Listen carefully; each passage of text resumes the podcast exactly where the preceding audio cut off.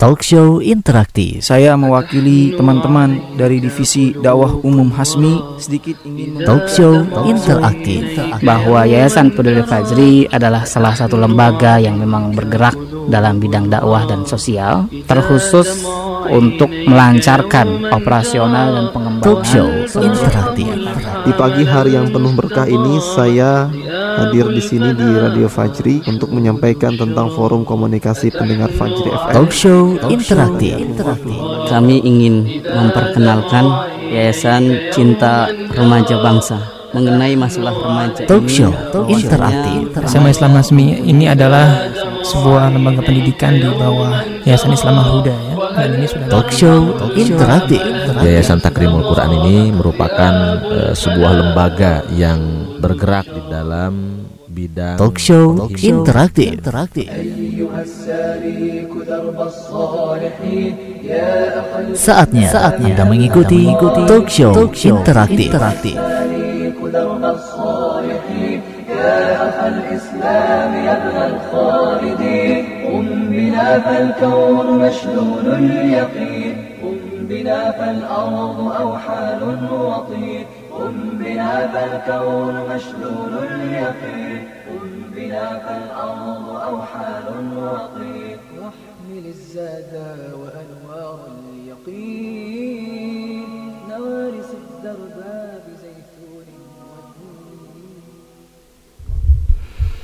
Bismillah, Assalamualaikum warahmatullahi wabarakatuh. Alhamdulillah, wassalatu wassalamu ala rasulillah wa ala alihi wa ashabihi wa man walah. Amma ba'du. Ya pendengar yang berbahagia di mana pun Anda berada Apa kabar Anda di kesempatan pagi menjelang siang kali ini alias di waktu duha kali ini? Semoga Anda dan juga keluarga senantiasa berada dalam keadaan sehat walafiat ya. Selamat beraktivitas Selamat menyimak siaran Radio Fajri FM. Insya Allah di hari Ahad ini banyak sekali ragam acara yang menarik dan sangat bermanfaat untuk Anda simak berserta dengan keluarga. Ya pendengar insya Allah selama kurang lebih satu jam ke depan sampai dengan jam 11 siang kali ini kita di acara talk show interaktif spesial kali ini kita akan ngobrol bareng santri serunya pondok pesantren. Ini bersama SMPTQ atau Sekolah Menengah Pertama Tahfizul Quran Al Hidayah Boarding School ya. Alhamdulillah telah hadir ada banyak sebenarnya tamu kita di kesempatan kali ini yang hadir dari SMPTQ Al Hidayah Boarding School. Tapi yang akan menyapa Anda kali ini hanya tiga orang saja. Ada Ustadz Reno Saputra SUD. Eh, beliau adalah wakil kepala sekolah bidang kesiswaan. Assalamualaikum Ustadz. Waalaikumsalam warahmatullahi wabarakatuh. Kabar sehat Ustadz ya? Alhamdulillah Kang Haris. Alhamdulillah ya. Juga ada Ananda Lutfi Hamam Prantio. Ini kita sapa dulu ya. Assalamualaikum. Waalaikumsalam warahmatullahi wabarakatuh. Kayaknya sehat ya. Sehat alhamdulillah. Sehat alhamdulillah. Eh, ini kelas 9 ya Iya, sekarang. Kemudian juga ada Muhammad Rafi Jaya Jati Ananda. Ini apa kabar? Alhamdulillah sehat. Alhamdulillah sehat ya. Baik, pendengar itulah ada tiga orang. eh, ada Ustadz Reno beserta dengan dua orang santrinya. Kali ini kita akan lebih banyak ngobrol bareng santrinya, bukan bukan, bukan bersama Ustadz Renonya. Ustadz Reno mungkin akan menambahkan dan juga nanti akan memberikan informasi tambahan juga. Dan silakan pendengar, Anda pun bisa ikut bertanya nih tentang kegiatan Ananda dipanggil apa nih? Eh, dipanggil saya Lutfi. Lutfi, Ananda Lutfi dan juga Ananda dipanggil Raffi. Ra- Raffi. Ya, ini eh nanti Anda pendengar bisa ikut bertanya tentang kegiatannya seperti apa dan juga bisa bertanya juga kepada Ustadz Reno ya berkaitan dengan kegiatan aktivitas di SMPTQ Al Hidayah Boarding School. Dan silakan bisa ke 0811 11 10 993 atau bisa juga melalui Facebook Radio Fajri di facebook.com garis miring Radio Fajri. Dan ini ada eh, apa namanya door prize nih. Ini disiapkan langsung oleh eh, kami ya dari Fajri dan juga dari SMPTQ Al Hidayah. Ada hadiah spesial untuk 10 orang interaktif pertama yang mengirimkan pesan baik di WhatsApp ataupun di Facebook. Insya Allah ini akan dapat voucher PPDB Ada kalender 2023 juga dan ada mushaf Al-Qur'an. Dan ada kabar gembiranya, ada free biaya PPDB untuk yang daftar hari ini ya. Jadi jangan tinggalkan acara spesial ini. Silakan bisa Anda simak terus. Semoga nanti berjodoh Ustadz ya. Eh, bisa putra putrinya mungkin bisa bergabung bersama Ananda Raffi dan juga Ananda Lutfi insya Allah baik pendengar kita akan langsung aja nih ngobrol bareng santri ini ada dua santrinya berarti santri-santri santriawan Ustaz biasanya dipanggil apa nih Ustaz kalau di sana santri Kalau di sana sih sebutnya santri-santri aja. Santri-santri. atau para santri. para santri iya baik masya Allah nih pertama saya pengen ngobrol sama Ananda Lutfi nih ini kelas 9 ya Iya benar. berarti sebentar lagi Lulus. lulus. Insya Allah amin. Insya Allah amin ya. Ini dari mana asalnya? Eh, saya dari Bengkulu, Muko-Muko. Muko-Muko. Kalau eh, kita kan mungkin di sini mayoritas orang Jawa Barat ya. Iya benar. di Pulau Jawa. Muko-Muko Bengkulu itu di pulau mana sih? Itu ada di Pulau Sumatera, Pulau Sumatera. Sebelah mananya?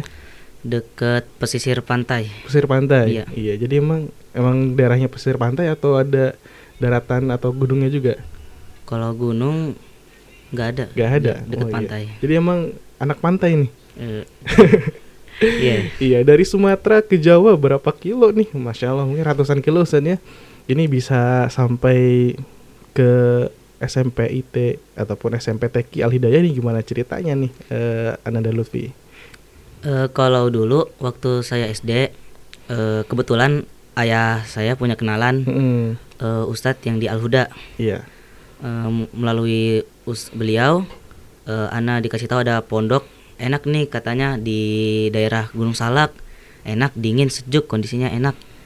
Eh, dengar kabar kayak gitu, eh, saya dan ayah saya pergi survei ke SMP TK Al Hidayah dan ketika saya melihat dan memang benar kondisinya sangat asri banyak pepohonan dan memang dekat Gunung Salak itu termasuk kesukaan saya.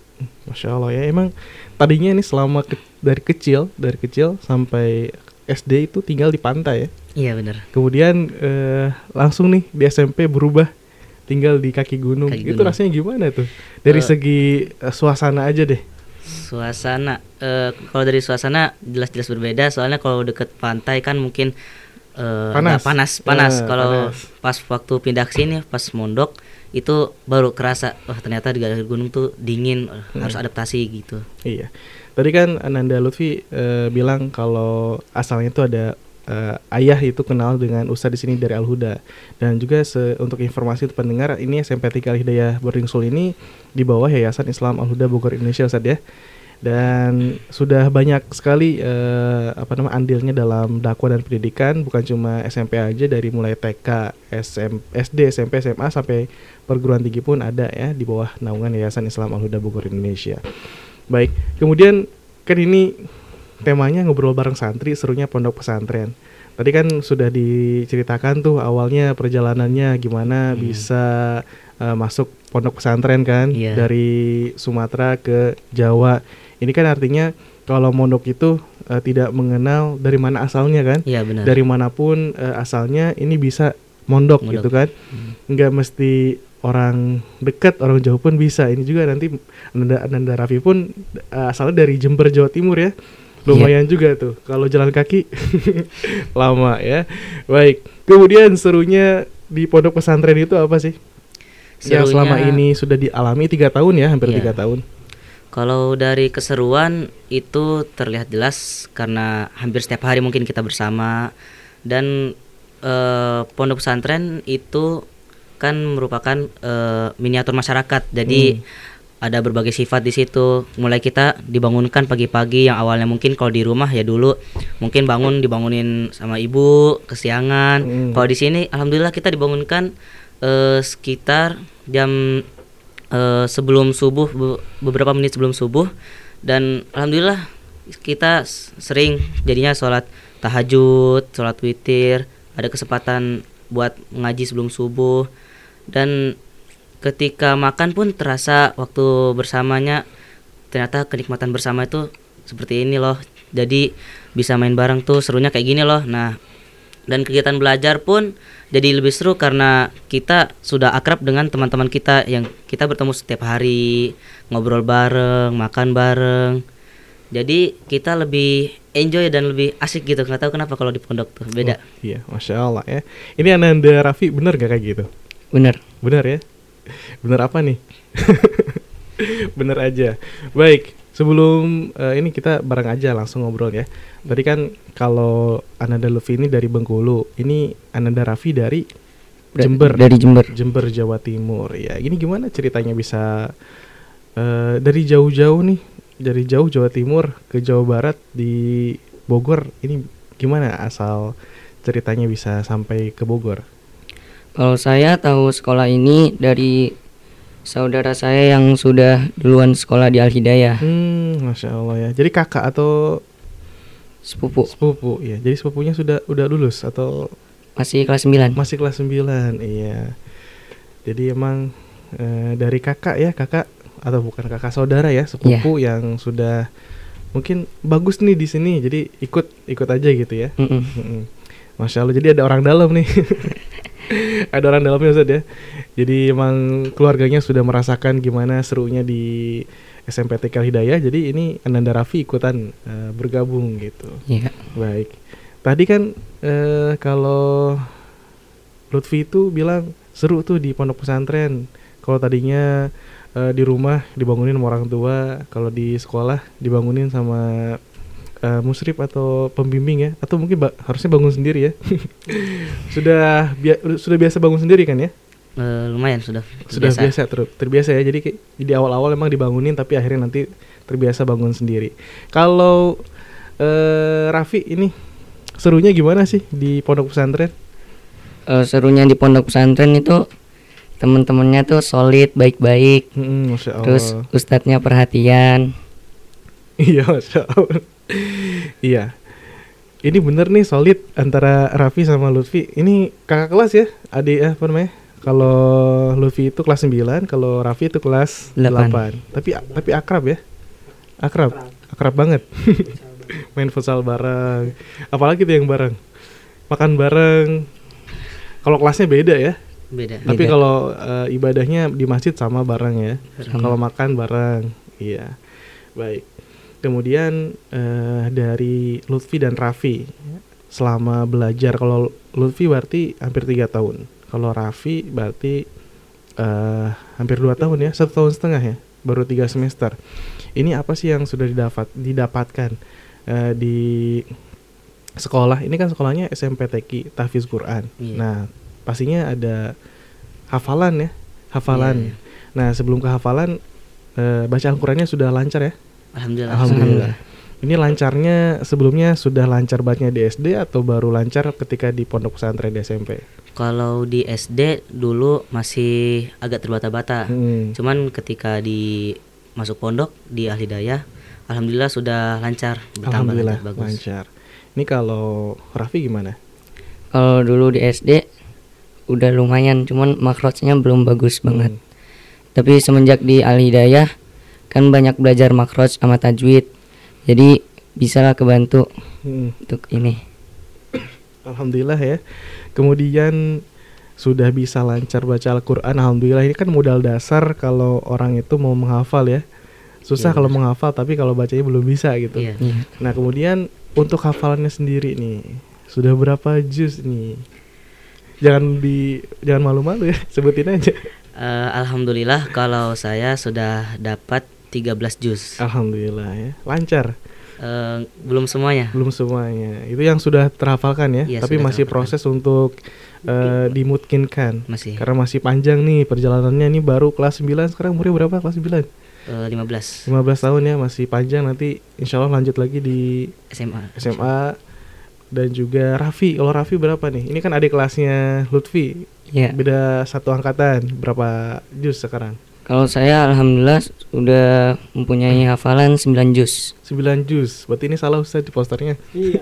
Posternya 7 juz ya. 7 juz. Harus revisi lagi. Hafalannya 9 juz, Masya Allah ya. Eh, mudah-mudahan ini kan kalau eh, Raffi ini masih ada setahun satu tahun setengah nih. Iya. Mudah-mudahan bisa eh, 30 juz Amin. se- sebelum lulus. Kalau Lutfi Insya Allah juga ya masih ada kesempatan sel- selama satu semester mudah-mudahan eh, bisa eh, hafal eh, tambah hafalannya. Tapi yang paling penting kan kalau menghafal Quran bukan tambah hafalan, tapi juga eh, mutkinnya, Mutkin. kuatnya. Kalau pernah hafal, mungkin orang banyak ya. "Ustaz, saya pernah hafal juz amma.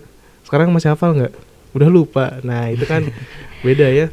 Nah kemudian gimana ceritanya nih bisa sampai hafal banyak begini? Masya Allah nih ya untuk tingkatan eh, di SMP ini di, Indonesia eh, sudah sangat luar biasa sekali ya. Mungkin beda ya kalau misalkan budaya di eh, luar di Timur Tengah di Mesir itu kan anak-anak sudah biasa menghafal Al-Quran ya. Kalau di Indonesia kan kebanyakan kalau di usia Lutfi, Raffi, kebanyakan main, main gadget, main HP, terus apa namanya?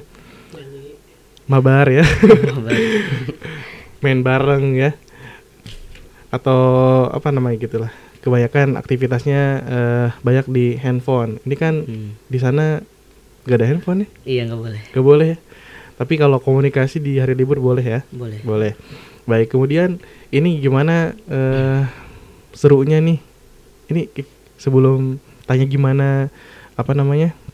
caranya bisa hafal ini apa sih perasaannya bisa sampai menghafal 13 juz nih Lutfi kemudian Raffi juga bisa hafal 9 juz ini rasanya gimana sih perasaannya Eh, rasanya senang Mm-mm. sekaligus kayak kalau misalnya di renungi kembali kayak nggak percaya dulu. Mm, Dulu pas SD ngelihat orang hafal mungkin hafal juz 6, juz 5. Nah, ketika ngelihat itu saya kayak ngelihat waduh, susah banget nih kayaknya nih. Gimana bisa hafal sampai situ?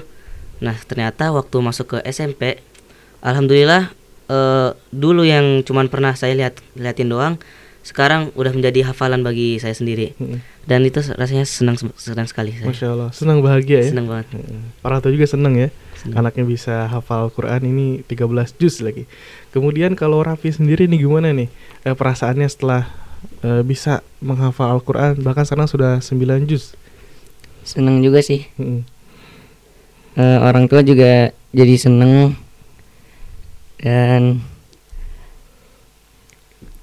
Senang bahagia ya iya iya. Ya Raffi nih bisa apa namanya bisa hafal banyak Tadinya kan di, di SD eh, belum bisa baca belum lancar Mm. eh di- masuk ke SMP alhamdulillah bisa apa namanya baca Al-Qur'annya bagus kemudian juga bahkan eh, punya hafalan Al-Qur'an gitu Hmm. nah ini gimana ceritanya bisa hafal Al-Qur'an banyak seperti ini. Apakah di sekolahnya dibimbing terus dikasih motivasi eh, misalkan Ananda Lutfi atau teman-teman di ke pondok pesantren SMPT Kial Hidayah dimotivasi sama ustadznya eh, santri-santri kalian semua harus bisa baca Al-Quran terus harus juga eh, belajar juga untuk menghafalkan Al-Quran karena banyak apa namanya manfaatnya Iya. banyak keutamaannya bagi orang-orang yang bisa baca Al-Quran dan bagi orang-orang yang menjadi penghafal Al-Quran Hmm. apakah udah ka- kalian semua hafalin aja atau Oh. ada motivasi tersendiri dan ada arahan dari ustadznya Eh, kalau untuk motivasi itu ada dari arahan dari ustadz ada, ada dari diri sendiri. Mm. Pertama kalau dari sen- diri sendiri ya jelas eh terutama saya itu saya udah jauh ya jauh dari orang tua, ingat ke orang tua, kangen orang tua dan pasti orang tua mengeluarkan biaya untuk eh, saya sekolah di Al Hidayah gitu. Jadi eh, nggak mungkin lah saya pengen menyia-nyiakan kesempatan ini untuk tidak menghafal main-main. Cuman sekedar sekolah ya sekolah pulang pergi juga bisa gitu. Jadi apa harus seperti membalas budi orang tua. Dan dan niat ana memang ingin memberikan mahkota kelak di akhirat. Dan kalau dari eh, para guru eh, para ustadz-ustadz itu memang alhamdulillah dikasih motivasi motivasi ketika mungkin kita lagi malas menghafal eh, di situ ada ustadz untuk memotivasi biar jadi apa semangat lagi menghafal selalu menyemangati intinya jadi tidak ada rasa kesendirian jadi selalu ada yang mendampingi Hmm, Masya Allah. Coba dibayangkan kalau misalkan nggak masuk pondok pesantren, nggak ada yang membimbing dari guru, kira-kira bisa nggak sih? Kalau kemungkinan sih kayaknya enggak. Enggak ya. Takutnya terbawa dengan pergaulan Iya di luar. betul. Karena uh, kalau anak-anak sekarang yang gak masuk pesantren tuh gaulnya biasanya ngumpul itu bukan baca Al-Quran ya. Iya, main HP. Main HP. Iya betul. Masya Allah. Jadi ini berkah juga nih masuk pondok pesantren bisa uh, baca Al-Qur'annya lancar, kemudian juga banyak hafalan juga. Ini ada motivasi juga ya, terutama uh, harus ikhlas ya. Ikhlas. Dan juga ini balas budi kepada orang tua, uh, berbakti kepada orang tua kan. Uh, salah satu keutamaannya tadi, kalau misalkan kita menjadi penghafal Al-Quran, insya Allah di hari kiamat kelak kita akan menghadiahkan uh, mahkota Kota. emas untuk kedua orang tua kita. Masya Allah, semoga uh, terlaksana Iya, di hari kiamat kelak uh, janji Allah Subhanahu Wa Taala. Amin amin. Kemudian untuk ananda kita, Raffi, ini gimana nih proses uh, menghafal Al-Qur'annya? ya seneng aja ya kar apa ngerasa tentram gitu kalau baca Al-Quran terus ustadznya juga motivasi sampai bisa jadi hafiz Quran gitu Masya Allah, iya. Ada ini nggak sih kalau menghafal Al-Quran itu eh, kendala-kendalanya eh, mungkin apa ya? Kalau orang biasa tuh males mungkin ya kendalanya. Iya. Apa ada kendala-kendala yang uh, susah banget nih hafalin Al-Quran? Tapi alhamdulillah ternyata ada solusinya gitu. Gimana nih? Ada kendala nggak? Ada biasanya. Biasanya apa? Biasanya kalau kendala Ngantuk. itu ya ngantuk dan kadang-kadang berpikiran wah ini ayatnya susah banget gitu Hmm. kadang-kadang atau enggak te- apa terbawa suasana misalnya diajak teman main bola ayo main bola ah yang Hmm. harusnya waktu yang ngafalin malah main bola jadi kadang-kadang ya ada malasnya juga Hmm. Tapi malesnya itu nggak setiap hari ya? Nggak, nggak setiap setiap hari. Tapi alhamdulillah terobati ya. Buktinya kan bisa hafal 13 juz. Iya. Iya. 13 juz. Ini udah berapa tahun? Dua tahun setengah ya?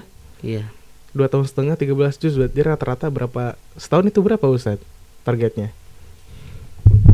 Kalau eh, untuk target hafalan sih setahun itu minimal itu 4 jus. 4 juz ya. 4 jus. Jadi kalau Jadi mau satu lulus semester itu dua jus ya. Mm. Mm. Jadi Nah, memang minimal itu berarti 6 juz emang ya. Tapi Betul. ini alhamdulillah sudah di atas target, melebihi target. Iya. Masya Jadi Allah. kalau kita itu ada dua eh, apa namanya target Kang Haris. Pertama ada target kelulusan, Mm-mm. ada target hafalan. Mm-mm. Jadi kalau target lulusan itu ya kalau mau lulus ya harus sesuai dengan target hafalan tersebut. 6 juz tadi Ustaz ya. 6, Mm. juz itu.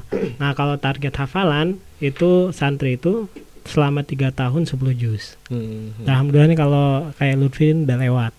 Kalau untuk Raffi berarti tinggal satu juz lagi ya Raffi ya. Mm. Coba kan nanti kategori eh, yang hafal atau yang dikategorikan eh, apa namanya eh, mampu mencapai target kelulusan itu ketika dia itu sudah eh, simak juz yang melalui proses khusus eh, uji kelayakan hafalan. Jadi benar-benar diuji kemungkinannya gitu. Ya gitu Iya. Kang Haris. Baik, masya Allah nih, luar biasa ya. Eh, siapa lagi nih? Wah, cuma dua orang lagi nih, cuma dua orang aja, bukan siapa lagi. Tadi kan dari Lutfi ya. iya Kemudian Raffi sendiri kendalanya apa? Tapi alhamdulillah kendalanya kalaupun ada, ya buktinya sudah hafal banyak kok gitu. Biasanya apa sih tantangannya kalau menghafal Al-Quran itu? sama kadang malas terus tergoda diajak main sama temen tapi ya motivasi dari ustadz kan harus apa jangan malas terus juga harus ada apa menghafal Al-Qur'annya jangan malas I- jadi ya nggak malas Iya. Dan memang kalau main bola kan nggak nggak dilarang Ustaz ya? Iya betul. Iya, jadi dilarang. eh, ada waktunya, ada waktunya ya, ada waktunya menghafal, ada waktunya main bola. Tapi kalau misalkan gak mau main bola, menghafal Quran ya boleh juga gitu. Iya. Jadi eh, nggak apa-apa tuh kalau lagi eh, belum apa namanya, lagi nggak mau menghafal dulu ya rehat dulu, istirahat dulu untuk main futsal ya. Tapi jangan sampai ketika jam belajar itu main futsal, waktunya sholat main futsal itu nggak boleh ya. Tapi emang ada waktunya. Baik, Masya Allah pendengar di mana pun berada silahkan yang ingin bertanya berkaitan dengan ini serunya pondok pesantren bisa ke 0811 11 10 993 0811 11 10 993 silahkan bisa cantumkan nama Anda, domisili dan juga pertanyaannya Insya Allah ini ada door prize ya hadiah spesial untuk 10 orang yang kali ini uh, mengirimkan pertanyaan. Ada voucher PPDB, ada kalender 2023 dan juga ada mushaf Al-Qur'an. Nah, ini kan Ananda Lutfi, Ananda Raffi sudah bisa baca Al-Qur'an, sudah banyak hafalan Iya. Al-Qur'annya. Boleh nggak sih? Eh, ini manggilnya apa ya? Saya ini Kak Haris lah atau Pak Haris. Pak Haris. Biasanya manggil apa Ustadz? Jadi Ustadz manggilnya nih jadinya. Kalau ke Kalau ke- guru-guru sih manggilnya Ustaz. Ustadz. Kalau ke orang luar Tapi kalau manggilnya kayak Kang Haris sih cocoknya masih kakak. Oh masih kakak. Karena iya. masih muda Kang Masih Haris. muda iya. Iya kalau ada ubannya dikit ya bapak lah. Begitu. Iya baik kakak aja ya. Se- Sebenarnya saya juga pernah dulu eh apa namanya PKL eh, ngajar di SMP IT. Kalau sekarang namanya SMP TEKI ya. Dulu waktu tahun 2017 itu pernah eh, ada PKL dari kampus ngajar kurang lebih satu bulan di sana. Jadi kurang lebih sudah tahu eh, bagaimana apa namanya kegiatan-kegiatan di sana. Dan juga kalau menyimak eh, hafalan bacaan itu sudah biasa, masya Allah ini bagus gitu kan. Nah kemudian sekarang nih pengen denger ke Haris dari Ananda Lutfi dan juga Raffi. Dari Lutfi dulu deh pengen denger bacaan Al-Qur'annya. Ini boleh mau surat apa nih? Surat Ali Imran. Ali Imran ayat? Ayat 184 sampai 186. sedikit ya.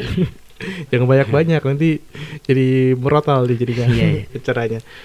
Oke silakan أعوذ بالله من الشيطان الرجيم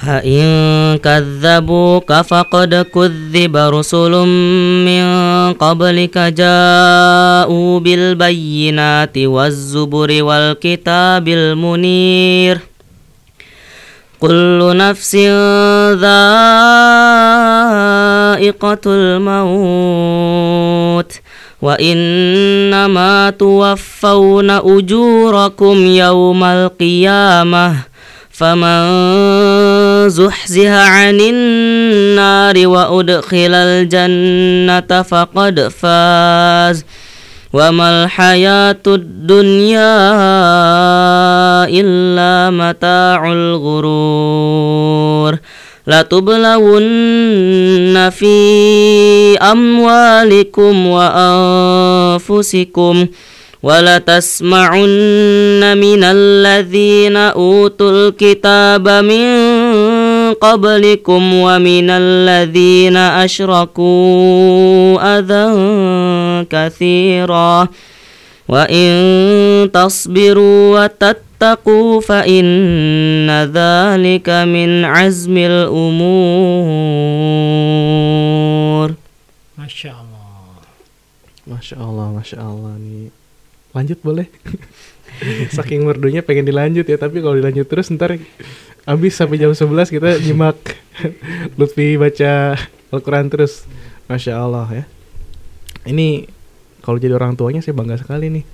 Punya, Masya Allah gitu punya anak yang masih SMP baca Al-Qurannya bagus. Bukan cuma bagus tapi punya hafalan punya hafalan Al-Quran juga sudah eh, 13 juz ini masya Allah. Eh, pasti eh, kebanggaan yang luar biasa sekali sebagai orang tua.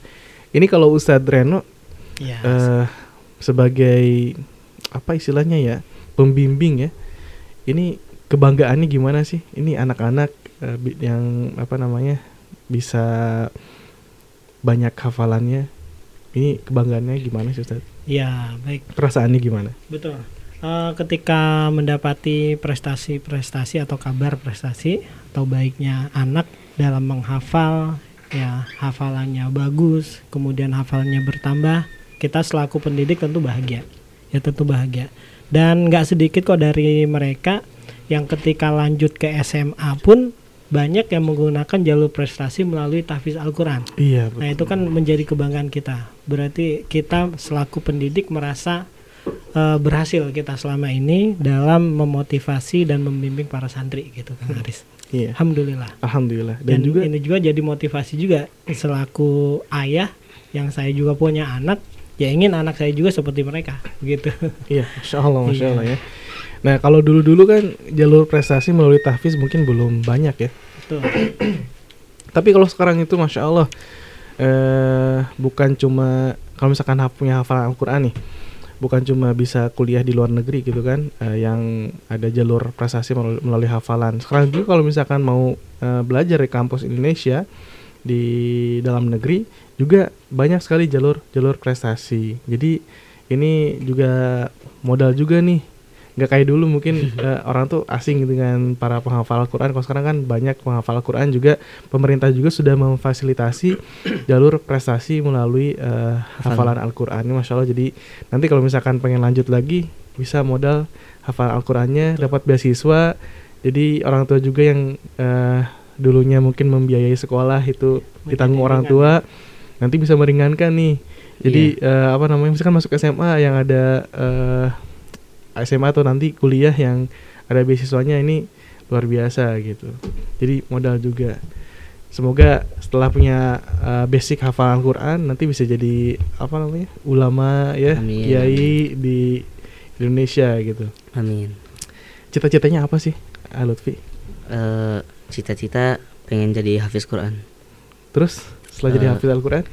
Kalau dari kecil sih sebenarnya udah punya cita-cita buat jadi pemain bola. Masya Allah. Pemain bola Muslim ya? Iya, Muslim. Iya. Jadi eh, apa namanya syiar Islamnya ditunjukkan gitu. Iya. Iya. Tapi di, di sekolah rajin eh rajin. Suka main bola juga? Lumayan suka. Suka ya. Semoga bisa tergapai cita-citanya bisa jadi pemain bola profesional ya dan juga hafal Al-Qur'an. Ini kan Amin. syiar juga gitu. Jangan jangan hanya orang yang umum aja gitu yang jago Hmm. main bola, tapi kan sekarang juga kalau misalkan pemain bola yang muslim gitu kan menunjukkan syiar Islam kan sangat dilihat sekali gitu kan. Iya. Iya. Apalagi sekarang Piala Dunia di mana tuh? Qatar. di Qatar ini banyak syiar Islam yang ditunjukkan ya, masya Iya. Allah. Baik. Tadi ada yang baru keluar nih. Sudah datang kembali. Ananda Raffi ingin menunjukkan nanti aja deh kalau baca Al-Quran ya. Eh, selain eh, hafal Al-Quran di sekolah atau di pondok pesantren ini dapat apa aja? Apakah diajarkan juga tentunya pasti diajarin diajarin sholat Ustaz ya? Iya. Diajarin akhlak Islam. Nah, mungkin bisa diceritakan nih dari Ananda Raffi. Selain alhamdulillah nih di pondok pesantren punya hafalan, selain itu pun ada lagi nggak yang didapatkan? Eh, selain praktek sholat Mm-mm. eh, ada praktek wudhu Mm-mm. terus muhadoroh seperti kayak kultum gitu Mm-mm. kultum bahasa Arab Jadi dan bisa- Indonesia Masya Allah, jadi ceramah bisa ceramah bukan cuma bahasa Indonesia tapi Iya. bahasa Arab juga. Mm-mm. Masya Allah, bisa azan juga Ustaz ya? Azan juga ya bisa. tentu bisa ya, azan. Komat apa lagi? Kalau bisa aja insya Allah bisa ikomah ya. Ya kalau untuk azan kan emang santri-santri juga emang dilatih Kang Haris. Kang Mhm. Haris. Di- apa dilatih kemudian kita akan seleksi. Nah, bagi santri yang terseleksi kita akan jadwalkan sebagai muazin tetap. Masya Nah, di masjid sekolah. Iya, masya Allah, masya Allah. Selain azan, tentu praktek ibadah juga bisa ya dari mulai wudhunya, eh, kemudian sholatnya. Kan bukan cuma sholat doang nih yang Mhm. diajarin, sholat wajib. Sholat wajib ada berapa sih? Ada lima Ada lima. Apa aja? sholat subuh sholat zuhur sholat asyar sholat asar sholat maghrib sama sholat isya Iya, masya Allah juga kan eh, ada yang namanya sholat apa namanya qobliyah, ba'diyah. Hmm. Itu juga diajarkan ya. iya Iya. Sholat duha juga nih. Tadi kan eh, tahajud juga Ustaz ya. Tadi disampaikan sama eh, Ananda Lutfi ada sholat tahajud, ada sholat witir juga nih karena dibanguninnya lebih awal eh, subuhnya gitu. Ya kalau di Al Hidayah kan selain diajarkan memang dibiasakan. Hmm, hmm. Nah, memang salah satu program pendidikan kita dan ini menjadi keberhasilan pendidikan kita kan melalui pembiasaan. Seperti tadi tuh, sholat malam uh, atau sholat tahajud, kemudian nanti pembiasaan sholat duha, pembiasaan sholat berjamaah, kemudian sholat qobliyah dan ba'diyah, belum lagi zikir-zikir dan doa-doanya Mhm. dan sebagainya begitu. Iya. Jadi bukan cuma wudhu, sholat, tapi rangkaian ibadahnya itu sendiri semuanya diajarkan ya. Kalau kan sebelum kan ya di, dibiasakan, dibiasakan, diajarkan sampai menjadi sebuah kebiasaan. Jadi kalau misalkan enggak tuh ya merasa bersalah gitu ya. Iya, benar. Kayak misalkan sebelum sholat kan wudhu dulu tuh, Hmm. wudhu masuk masjid, baca doa juga kan, Hmm. doa juga diajarkan ya. Diajarkan. Kemudian juga sholat tahiyatul masjidnya, Iya. Kemudian sholat berjamaahnya, ada zikir juga kan diajarkan Ada. ya. Zikir pada sholat sudah hafal? Sudah. Sudah hafal alhamdulillah ya. Kemudian juga ada zikir pagi petang juga diajarkan juga ya. Diajarkan alhamdulillah. Alhamdulillah sudah hafal juga. Sudah. Jadi udah jadi kebiasaan juga ya. Mudah, Sudah satu tahun eh berapa tahun? Dua tahun setengah ya. Hmm. Jadi mudah-mudahan kebiasaan di pondok pesantren itu akan terus berlanjut. Kalau misalkan liburan, gimana tuh kalau liburan? Dilanjut lagi atau kan udah jadi kebiasaan nih? Iya. Harusnya dilanjut lagi ya. Lanjut. Nah kalau liburan gimana tuh? Kalau liburan eh, kalau kalau di sekolah kan zikir paginya biasanya mungkin eh sekitar jam eh, awal-awal sekitar jam 6 jam Hmm. 7. Kalau di rumah kadang-kadang jam 7 tuh- jam 7 tuh belum baca. Kadang-kadang bacanya agak siangan kayak jam 9, jam 10. Soalnya kayak eh mungkin agak sedikit lupa kalau di rumah karena beda suasana cuman eh entah kenapa karena udah menjadi kebiasaan mungkin ya jadi ingat lagi alhamdulillah. Iya, jadi emang gitu Ustaz ya. Eh, pengajaran di pondok pesantren kan ini eh, apa namanya dari mulai bangun tidur sampai tidur lagi semuanya dibiasakan. Jadi kalau misalkan sudah pulang ke rumah, kebiasaan yang dulunya tertanam terus setiap hari di pondok pesantren, kalau misalkan pulang tuh nggak dilakuin tuh kayak kenapa gitu ya? Iya kayak Gitu ya, beda. Kayak beda gitu. Iya, baik. Kemudian ini tadi kan sudah dengerin nih eh, Raffi baca eh bukan Raffi tapi Luffy baca Al-Qur'an. Raffi mau kultum atau baca Al-Qur'an juga? nih? Baca Quran aja. baca Quran ya. Tapi tadi bahasa Arab, bahasa Inggris juga diajarin ya? Iya. Iya, Tapi jadi kalau bahasa Inggris enggak. nggak jadi kebiasaan sehari-hari di kelas. Kalau bahasa Arab iya. Iya, kalau bahasa Arab. Tapi ada pelajaran bahasa Inggris juga ya? Ada. Hmm. Iya baik. Kemudian boleh mungkin setengah halaman kita dengarkan eh, Raffi baca Al-Quran. Mau baca apa nih? Eh, Al-Baqarah Al-Baqarah ayat berapa? 25 sampai 26. Oke, silakan. أعوذ بالله من الشيطان الرجيم. بسم الله الرحمن الرحيم. وبشر الذين آمنوا وعملوا الصالحات أن لهم جنات تجري من تحتها الأنهار. كلما رزقوا منها من ثمرة رزقا قالوا هذا الذي رزقنا من قبل. قالوا هذا الذي رزقنا من قبل وأتوا به متشابها ولهم فيها أزواج مطهرة وهم فيها خالدون إن الله لا يستحيي أن يضرب مثلا ما بعوضة فما فوقها فأما الذين آمنوا فيعلمون أنه الحق من ربهم وأما الذين كفروا فيقولون ماذا أراد الله بهذا مثلا يضل به كثيرا ويهدي به كثيرا وما يضل به إلا الفاسقين Masya Allah, Masya Allah, Tabarakallah. Ini kalau jadi imam enak saja. Alhamdulillah, alhamdulillah. Emang Coba kalau untuk Raffi ini belum, Belum. terpilih jadi imam ya, Raffi ya? Hmm. Belum. Kalau Lutfi alhamdulillah sudah terpilih Masya jadi Allah. imam. Jadi emang kita ada program apa namanya? pemilihan imam untuk santri yang kita jadwalkan eh, di waktu sholat isya ya. Isya. Ya gitu Hmm, Masya Allah. dan selain sholat isya nanti biasanya momen-momen Ramadan Hmm. kita jadikan Sholat tarawih. imam. betul Masya Allah. Nah Ini- kalau untuk Raffi ini insya Allah calon calon imam calon imam. nanti kalau sudah kelas 9 Masya Allah ya. Ini enak banget nih kalau eh, sholat didampingin sama imam yang luar biasa nih bacaannya Masya Allah kayak gini nih. Eh, khusyuk insya, insya Allah Ustaz ya. insya Allah Insya Allah. Baik, silakan mendengar yang ingin ngobrol, yang ingin bertanya juga kepada Ananda Lutfi atau Ananda Raffi atau kepada Ustadz Reno langsung juga silakan bisa ke 0811 11 10 993. Bisa cantumkan nama Anda, domisili dan juga pertanyaannya. Insya Allah ada hadiah spesial untuk 10 orang yang eh, mengirimkan pesan interaktif kali ini ada voucher PPDB, ada kalender 2023 dan juga ada mushaf Al-Qur'an. Baik. Ini ada pertanyaan dari Farwah di Cikarang. Assalamualaikum warahmatullahi wabarakatuh. Waalaikumsalam warahmatullahi wabarakatuh. Ini saya dan keluarga memang eh, eh, pada di pesantren Ustaz. Yang mau didiskusikan itu bagaimana cara supaya saat liburan sekolah tetap semangat menghafal Al-Quran. Ini kodarullah keluarga pesantren di Cianjur kemarin kena gempa.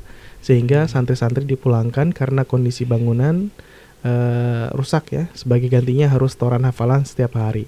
Nah kadang sulit katanya kalau ngafalin di rumah. Jadi bagaimana caranya membangun semangat anak supaya tetap menghafal Al-Quran di rumah. Mungkin ini juga uh, menjadi salah satu apa namanya cara nih dari Al Hidayah ustadz-ustadznya sendiri. Kan kalau liburan akhir tahun atau liburan kenaikan kelas itu kan lama tuh. Gimana caranya memotivasi anak-anak supaya liburan tuh masih semangat menghafal Al-Quran. Dan juga katanya, wah masya Allah, kalau setahun 4 juz berarti seharinya berapa lembar Ustadz? Nah, Ya baik, ya baik. Eh, untuk ya pertama kita doakan kepada para apa eh, korban yang terdampak dari musibah Cianjur. Ya semoga Allah Subhanahu Wa Taala eh, memberikan kesabaran atas musibah tersebut. Dan Alhamdulillah terkait musibah ini pun kita ini sekedar informasi kita pun ikut andil ya dalam eh, berba- berbagi ya bahkan santri-santri pun kita himbau untuk berdonasi alhamdulillah dari kalangan santri saja kemarin terkumpul sampai 2 juta. Mm-mm. belum lagi dari kalangan wali santri eh, banyak. Alhamdulillah semuanya kita salurkan kepada eh, korban gempa di Cianjur. Nah termasuk eh, tadi yang bertanya mudah-mudahan tetap diberikan kesabaran. Ya baik. Terkait dengan eh, tips ya tips cara memotivasi anak agar tetap bersemangat dalam apa namanya dalam menghafal Al-Qur'an. Yang pertama kalau kita memiliki cara pertama kalau kita itu melakukan pendekatan personal dan ini menjadi langkah pendidikan kita Eh, jadi kita dekati kemudian kita motivasi secara khusus ya mulai dari motivasi ukhrawi tentang keutamaan menghafal Al-Qur'an ataupun motivasi eh, tentang kebahagiaan di dunia gitu kan kalau menghafal Al-Quran kamu nanti begini kamu begini dan lain sebagainya. Itu biasanya anak ketika dimotivasi secara personal dari hati ke hati dia biasanya lebih mengena gitu kan. Kemudian eh, memang eh, barometer keberhasilan santri itu memang dilihat salah satunya ketika liburan Kang Hmm. Hadis ketika liburan. Ya karena kalau di pondok pesantren mungkin karena memang diawasi sama ustadznya bisa jadi kan di antara mereka ada yang yang menghafalnya ya karena disuruh ustadz saja kan gitu. Hmm. tapi eh, alhamdulillah kalau santri-santri kita ketika liburan ya ya walaupun ada saja ada saja yang harus disuruh dulu gitu kan. Tapi alhamdulillah banyak juga laporan dari wali santri yang mengatakan eh, santri eh, anaknya itu ketika liburan eh, sudah mandiri. Jadi setiap habis sholat subuh dia udah apa namanya nggak perlu disuruh dia sudah pegang Al-Quran kemudian meroja sampai suruk gitu kan. Dan lain sebagainya ada juga yang eh, apa kabar-kabar yang lain seperti sholat subuh nggak perlu dibangunin lagi gitu dan sebagainya. Nah terus selain pendekatan personal yang kedua ya memang kita harus sabar juga ya. Karena memang usia mereka ini ya bu- belum bukan usia dewasa masih proses menuju kedewasaan Nah, artinya kita harus sabar terus mengingatkan, terus ngebimbing dan inilah ujian orang tua biasanya Mhm. dan ujian para guru.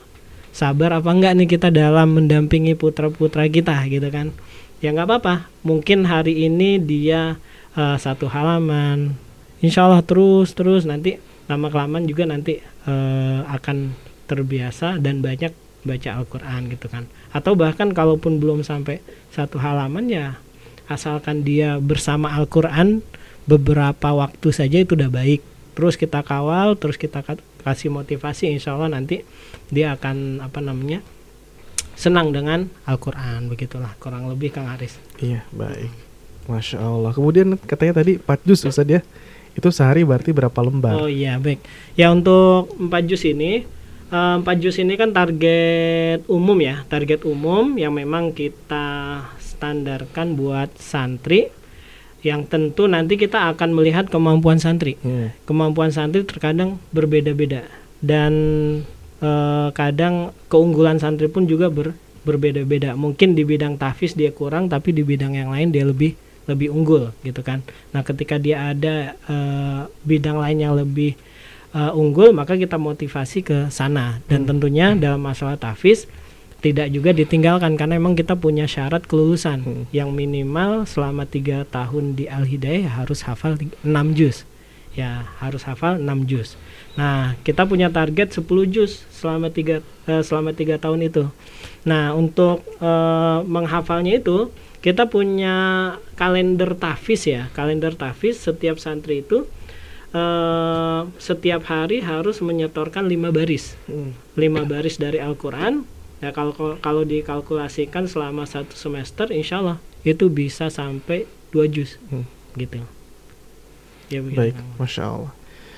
Ya, demikian ya pertanyaan dari Marwah, eh, bukan Marwah, Farwah, maaf di Cikarang. Kemudian juga ada dari Bapak Kurisno di Bekasi Timur Permai. Ini mungkin jawabannya sudah eh, sedikit dijawab nih tadi sama Ustadz Reno. Ingin menanyakan, Bismillah, bagaimana caranya agar dapat menghafal Al-Quran dengan waktu yang tepat pas selesai di pondok sudah hafiz? Apa ada cara-cara buat santri? Syukron. Tadi kan salah satunya adalah dengan membuat kalender tahfiz. Nah, ini kalau dari santrinya sendiri. Oke, silakan. Iya. Gimana nih? langsung langsung Lutfi Langsung atau Lut- Rafin yang Lutfi menjawab. nih, Lutfi Karena gimana? memang setahu saya kalau untuk menghafal Al-Quran ini memang terkadang beda-beda. Beda-beda ya. Eh, kalau secara umum kan biasanya lebih mudah itu dihafal pada sepertiga malam Mhm. sebelum sholat subuh dia mulai menghafal itu lebih mudah. Tapi ternyata nggak juga. Nggak juga. Nggak juga. Oh, iya. Ada juga santri yang memang justru menghafalnya itu lebih senang ketika nanti eh, teman-temannya lagi main dia lebih senang menyendiri Hmm. gitu kan. Ada juga yang begitu. Nah. kalau Lutfi gimana nih? Iya. Coba. Kalau dari sekolah kan sudah ada kalender tahfiznya nih, ada Iya. targetnya. Nah, kalau dari Lutfi sendiri ini gimana caranya biar bisa mencapai target? Eh, tipsnya. Eh, yang pertama pastinya kita selalu eh, niatkan dengan ikhlas buat ngafalin. Allah. Eh, setelah itu konsisten. Jadi jangan misalnya hari ini ngepush hafal banyak nih satu halaman dua halaman. Cuman besoknya ngafalin ah kemarin kan udah banyak berarti sekarang nggak usah. Nah jangan digituin. Kal karena kalau misalnya eh, nggak konsisten dia malah eh, tidak tidak baik untuk hafalan kita. Jadi sesuatu yang dilakukan dengan konsis- konsisten itu insya Allah akan eh eh, apa tercapai sesuai keinginan kita insya Allah dengan bantuan Allah Subhanahu Wa Taala. Nah dan juga eh, sambil ingat tadi apa ingat motivasi-motivasi ketika sedang menghafal eh, baik itu tentang orang tua ataupun ya intinya eh, sesuatu yang bisa membuat diri kita terpacu untuk mengha- menghafalkan Al-Quran. Jadi eh, selalu diusahakan jangan pernah menyerah karena eh, Allah telah berfirman Innallaha ma'ana. Se- Sesungguhnya Allah bersama kita. Iya, masya Allah. ya, masya Allah. Baik, dari Raffi mungkin ada tambahan atau ah, cukup lah sama Kak Lutfi. Gimana tuh? Sama aja, masya Allah. Jadi emang kayaknya sehati ini. iya baik, masya Allah. Jadi demikian ya untuk Pak Kurisno di Bekasi Timur Permai. Dan mungkin salah satu caranya ya bisa gabung juga nih di sekolah Al Hidayah ya. Bisa, gabung dengan Raffi dan juga Lutfi untuk menjadi penghafal Al-Quran. Baik, masya Allah. Kemudian ada Mus, ada Muhsinah Solihah mau bertanya, bagaimana cara menghafal Al-Quran di waktu ketika kita sedang futur? Mungkin dari eh, Lutfi nih ya. Kalau lagi futur atau lagi males, gimana itu? Kalau menghafal Al-Qur'annya? Eh, kalau lagi futur ya mungkin boleh-boleh futur cuman jangan lama-lama. Hmm. Kalau futur kita eh, ingat motivasi-motivasi yang pernah diberikan Hmm. dan juga ingat kalau apa apa saja manfaat kalau kita ngafalin Al-Qur'an. Mungkin kita bisa memberikan mahkota untuk kedua orang tua di akhirat kelak. Mungkin kita bisa men- mengajarkan ilmu-ilmunya karena sebaik-baik orang yang eh, yang berilmu adalah orang yang belajar Al-Qur'an dan mengajarkannya. Jadi eh, tidak ada keburukan eh, ketika kita menghafalkan Al-Qur'an. Itu semuanya baik insya Allah bagi diri kita maupun bagi orang lain. Iya, masya Allah. Khairukum man ta'allama Al-Quran wa 'allamahu. Baik, masya Allah. Jadi demikian ya untuk Ibu Muhsinah Solihah. Kemudian berikutnya Ustadz dari Umu Fatur Halda Ibad mau tanya SMPTQ Al Hidayah itu alamatnya di mana Ustadz? Tadi kan sebenarnya sudah disebutin ya di bawah kaki Gunung Salak. Kan kaki Gunung, Gunung Salak kan luas tuh. Sebelah mananya gitu? Iya, iya. kaki sebelah kanan kiri atau mana gitu? Ya baik. Untuk posisi apa SMP TK Al Hidayah ini ya sebenarnya kalau di sama Radio Fajri yang nggak jauh lah. Kurang lebih 5 km setelah Radio Fajri kalau dari kota ya. Nah kalau posisinya itu tepatnya ada di Jalan Raya Curug Nangka ya nomor 26 yaitu eh, ada tempat yang memang dikenal ya namanya itu wisata Curug Nangka dan posisi kita nggak jauh dari wisata tersebut gitu kan atau kadang orang juga kenal ya jalur Ciapus sebutnya. Mm. jadi kalau dari kota dari kota Bogor tinggal tanya aja arah ke Ciapus ke mana nih. Nah nanti dari Ciapus tanya lagi arah Curug Nangka ke mana nih. Insya Allah nanti akan melihat plang SMP TK Al Hidayah di sana. Tempatnya asri insya Allah sejuk dan membuat para santri eh, betah ya. Mm. dan apa namanya eh apa sih istilahnya apa namanya ketika belajar itu merasa nyaman begitu. Iya, baik. Masya Allah. Kalau sekarang itu nanya, nanya apa namanya nanya alamat tuh gampang Ustaz. Sudah Betul. ada kemudahan canggihan teknologi tinggal nanya ke Google, Google Maps. Maps. tinggal cari tulis SMP Teki eh, Al Hidayah atau SMP Al Hidayah Boarding School nanti keluar. Mau ke Radio Fajri juga gampang tinggal ketik Radio Fajri nanti keluar. Eh, tinggal ikutin aja nanti si mbaknya bilang kiri kanan belok mana berapa ratus meter lagi ketemu jalan apa gitu ya.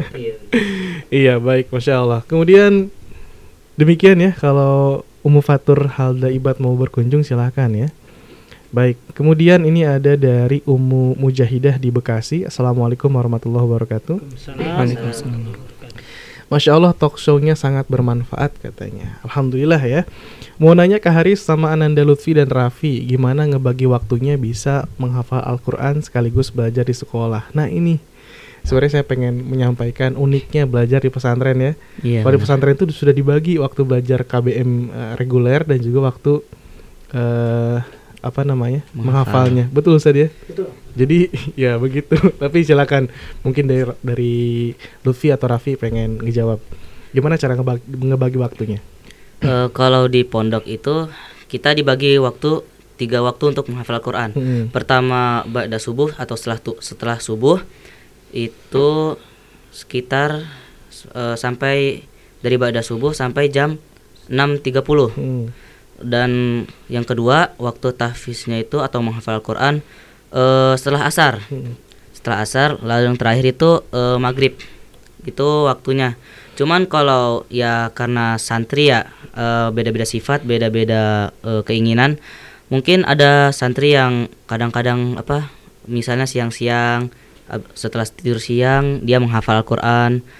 Mung- Intinya cari waktu yang di mana eh, apa sepertinya kita nyaman buat menghafal. Kalau jujur buat saya sendiri itu menghafal tuh enaknya subuh-subuh. Mm-mm. Karena otak tuh masih fresh, belum ada beban apa-apa seharian kan baru bangun tidur tuh enak banget buat ngafalin. Emang santri punya beban ya? Eh, kalau santri ya paling bilangnya mungkin ujian ya Oh, ujian. ujian gitu. punya beban juga ternyata ya. Bukan beban belajar. Iya, benar. jangan jadikan beban ya. Iya, Harus semangat. Nih kalau Ananda Raffi, waktu yang paling enak buat ngafalin. Tadi kan katanya ada, ada tiga waktu. Kalau Raffi sendiri paling enak ngafalin di waktu apa? Hmm, Ba'da subuh juga. Pada subuh juga. Masya Allah. Jadi emang subuh paling top ya Ustaz ya? Betul. Hmm. Dan emang keumuman para hufaz, para hafiz Quran emang begitu. Hmm. Pengakuannya emang pada subuh atau qabla subuh. Hmm. Jadi, pada sepertiga malam gitu ya. Iya, baik. Masya Allah nih. Kemudian tadi pertanyaan dari masih ingat gak? Umu Mujahidah. Kemudian ada dari ini Ray Bahtiar. Assalamualaikum, waalaikumsalam warahmatullahi wabarakatuh. Gimana caranya mengingat hafalan yang sudah dihafal? Soalnya ngerasa susah banget ingetnya bait eh, setiap ayat-ayatnya. Nah kan tadi sudah dihafalin nih. Iya, hmm, Kalau sekali ngafal kan hafal tuh. hafal. Gimana caranya biar tetap hafal? Eh, sering di murojaah. Hmm. Jadi ketika misalnya udah setoran nih eh, satu halaman, nah jangan langsung ah besok ganti hari, berarti langsung hafalan lagi. Jadi kayak eh jangan kayak gayu lubang tutup lubang. Jadi hafalan nambah tapi Yang dibiarin, yang dibiarin. yang kemarin lupa. Iya dihilangin. Jadi kalau misalnya udah hafal itu langsung di murojaah. Hmm. Karena kan emang banyak yang bilang kalau murojaah itu lebih susah daripada buat menghafal. Mm-mm. Menjaga lebih susah. Jadi eh, kalau untuk waktu mungkin lebih banyak luangkan waktu buat murojaah daripada menghafal. Karena kalau menghafal insya Allah dimudahkan oleh Allah Subhanahu Wa Taala. Iya, baik, masya Allah. Jadi jangan sampai hafalin sekarang, besok nambah lagi. Eh yang kemarin dihafal lupa. Iya, lupa. iya. Iya, baik. Kemudian ada pertanyaan dari Pak Hendra di Cibinong mau bertanya untuk memotivasi anak agar bisa masuk pesantren itu gimana? Kemudian katanya anak-anak itu terkesan mondok itu berat bagi mereka. Nah, benar nggak sih? Sebenarnya Iya. ke sebelumnya ke ini dulu deh ke Ke siapa nih? Lutfi. Raffi dulu. Raffi, ayo silakan. Mondok itu berat nggak sih? Eh, nggak nggak begitu berat sih. Gak begitu berat, tapi ada beratnya. Ada dikit tapi. ada dikit, tapi itu beratnya masih bisa dipikul ya. Iya. Iya. Baik. Sebenarnya kalau berat itu nggak masalah Ustaz. Asal bisa dipikul aja. Iya. Iya. Benar benar. Beratnya itu Beratnya nggak bisa diapa-apakan gitu kan. Hmm. Ini kalau dari eh, Lutfi sendiri gimana? Berat gak sih? Kalau mungkin bagi eh, orang yang belum mondok dulu bagi saya juga berat mungkin mau pondok itu. Cuman ketika sudah pondok eh, mungkin ya kebanyakan orang pasti awal-awal awal-awal itu berat. Cuman lama ke- kelamaan misalnya udah setahun dua tahun itu alhamdulillah udah terbiasa. Hmm. Dan itu eh, terkadang ya jadi apa kembali lagi kepa- kepada diri santrinya masing-masing gitu. Kalau misalnya dia emang nggak mau terus gini, nggak mau diatur, nggak mau dia apa-apain, pokoknya eh, itu nggak bakalan bisa. Kalau cuman kalau santri yang ikhlas, insya Allah paling sebulan dua bulan udah eh terbiasa, nggak akan berat. Insya Allah semua itu kalau dilakukan niat ikhlas karena Allah nggak bakalan berat buat dilakuin kok insya Allah. Iya, baik. Masya Allah, Ini ya. sedikit menambahkan nih Kang Haris nih. Sebenarnya ada cerita lucu juga nih terkait dengan Lutfi nih. Hmm. Cuma boleh diceritain ya di Lutfi nih. nah Lutfi nih? ini kan memang eh, santri yang eh, dari seberang ya, dari Sumatera, kemudian sekolah ke Bogor yang jaraknya juga nggak nggak dekat gitu. Bahkan waktu diantar pun pakai mobil ya, pakai mobil selama ber tiga hari ya Lutfi ya. Ya tiga hari eh, perjalanan menuju Bogor. Kemudian eh, ditinggalkan sama orang tua. Itu masya Allah itu nangis nangis loh Kang Haris loh. Lutfi itu nangis-nangis bahkan kita pegangin nih kita sepakat bapak ibu bapak ibu yakin nggak kalau Lutfi mau ditinggal? Kalau bapak ibu yakin dan bapak ibu ikhlas tinggalin. Insya Allah saya eh, kita yang akan eh, apa namanya ngasih motivasi gitu. Bapak ibunya pergi Lutfi nangis-nangis. Hmm. bahkan kita pegangin karena dia mau ngejar mobil orang tuanya. Tapi alhamdulillah memang benar. Kata kuncinya memang ya walaupun awalnya itu Sulit. berat Hmm. gitu kan berat. Bahkan eh, masih ingat sama bapak ibu di rumahnya ya apalagi zaman sekarang ini biasanya eh, apa fitnahnya ini handphone biasanya Hmm. gadget ya nah ini kalau eh, terus kita motivasi dari pihak sekolah dalam hal ini SMPTK Al Hidayah insya Allah terus eh, mengawal para santri Alhamdulillah sih santri yang awal-awalnya nggak betah ya membutuhkan beberapa pekan atau beberapa bulan insya Allah mereka akan betah begitu Kang Haris Iya, baik. Masya Allah ya. Iya. Eh, masih ada pertanyaan sebenarnya dari pendengar. Kita akan coba sambungkan ke salah satu eh, salah seorang wali santri Ustadz ya. Insya Allah kita coba sambungkan. Baik, assalamualaikum. Waalaikumsalam warahmatullahi wabarakatuh. Iya, dengan Pak Zainal Solihin Pak ya. Betul. Iya, Ustaz, betul. ya. Nah, Ini wali santri dari siapa nih? Saya kebetulan wali santri dari Fadil Satria yang alhamdulillah sudah kelas 9 Ustaz. Iya, Masya Jadi ini temannya Lutfi nih. Iya, benar. iya, ini ayahnya nelfon nih. Iya. Masya Allah. Baik Pak Zainal, eh, silahkan ada yang ingin disampaikan? Ya alhamdulillah kebetulan anak kami di dan selama Ananda Mondok atau bersekolah di SMP Alidayah banyak mendapatkan kebaikan-baikan. Sebagai contoh di awal awal masuk anak-anak sudah dilatih dengan kemandirian dan percaya diri sehingga kami sebagai orang tua eh, tidak ragu untuk meninggalkan anak-anak di lingkungan pesantren eh, ini yang masya Allah lingkungannya eh, cukup kondusif dan cukup nyaman ya gitu Ustaz.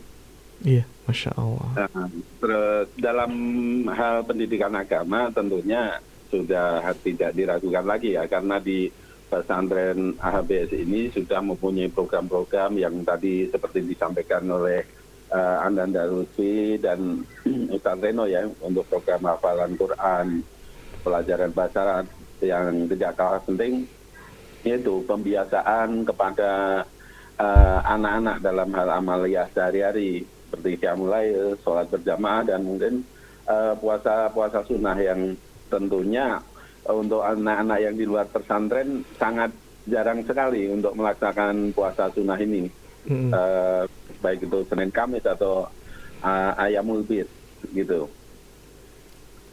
Baik, Masya Allah nih. Mungkin ada pesan yang ingin Bapak sampaikan nih untuk pendengar Fajri atau mungkin buat eh, Ustadz Reno, Ananda Lutfi dan Raffi yang se- sekarang sedang eh, di studio Fajri, Pak. Ya, eh, lebih ke para pendengar eh, Radio Fajri ya. Eh, dalam hal ini apabila sedang mencari pesantren eh, sangat rekomendasi sekali untuk di Al Hidayah ini eh, karena eh, di sini pembiasaan dari kepada anak-anak ini eh, secara langsung dicontohkan oleh ustadz ustadznya para asatid di sana gitu loh.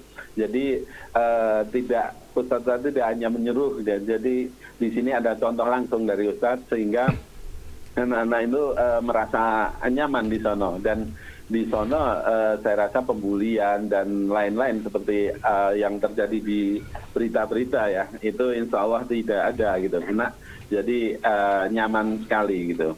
Dan di sana ada kegiatan KPM untuk pelajaran Dignasnya juga berjalan dengan baik dan serta komunikasi baik orang tua dan dengan para asatid itu eh, sangat terjalin dengan baik. Jadi eh, kita eh, di rumah orang tua juga tentunya nyaman meninggalkan anak di pesantren. Iya. Mungkin itu saja. Baik, Masya Allah terima kasih banyak Jazakallah khairan Pak Zainal Solihin ya. Sem- Ya. Selamat beraktivitas kembali. Semoga Baik, Fadil baik. juga betah dan bisa jadi kebanggaan Amin, buat amin. Bapak dan keluarga. Amin. Baik, Baik. iya, amin amin. Assalamualaikum Pak Zainal.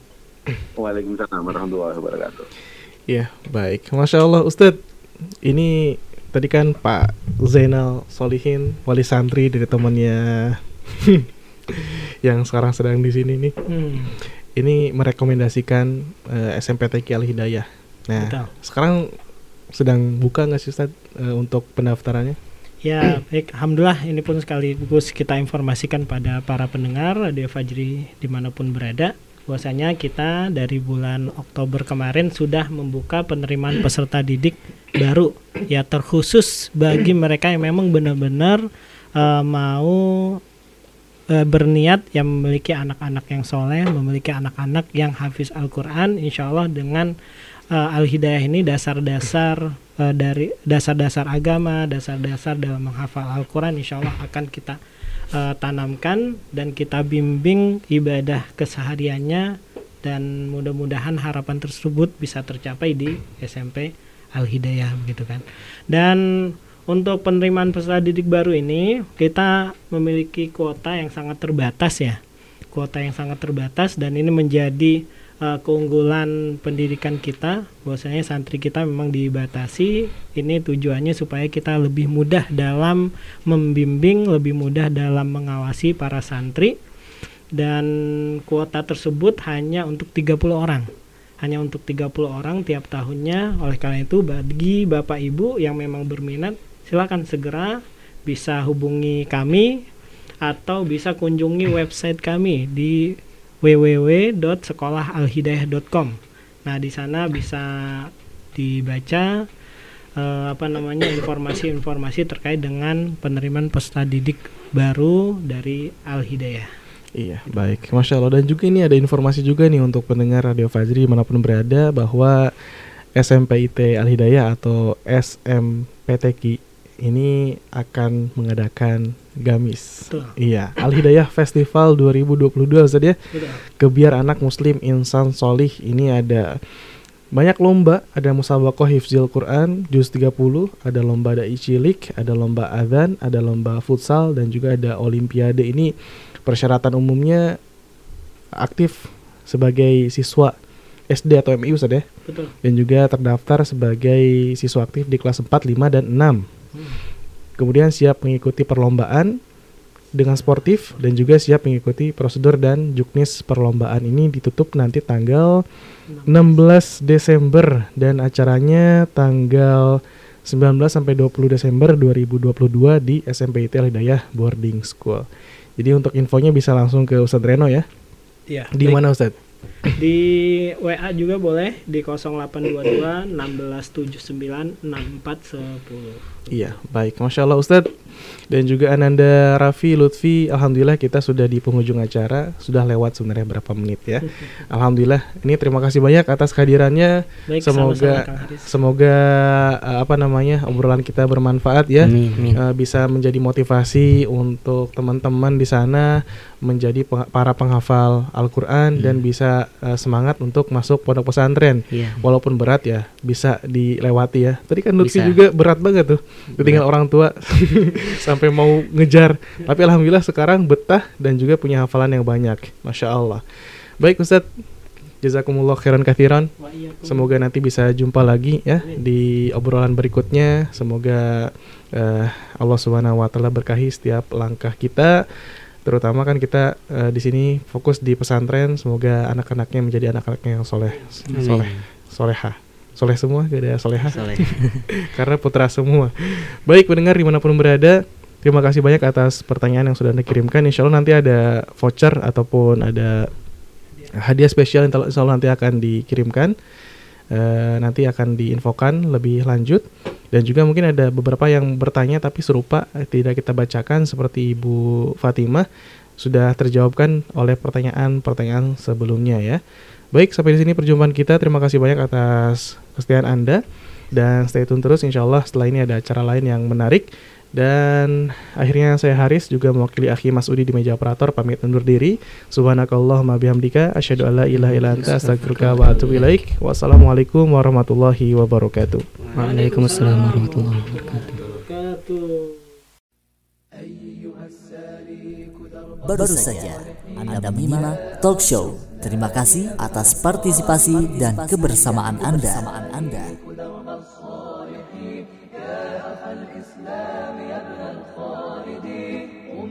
بنا فالكون مشلول اليقين قم بنا فالأرض أوحال وطين قم بنا فالكون مشلول اليقين قم بنا فالأرض أوحال وطين واحمل الزاد طين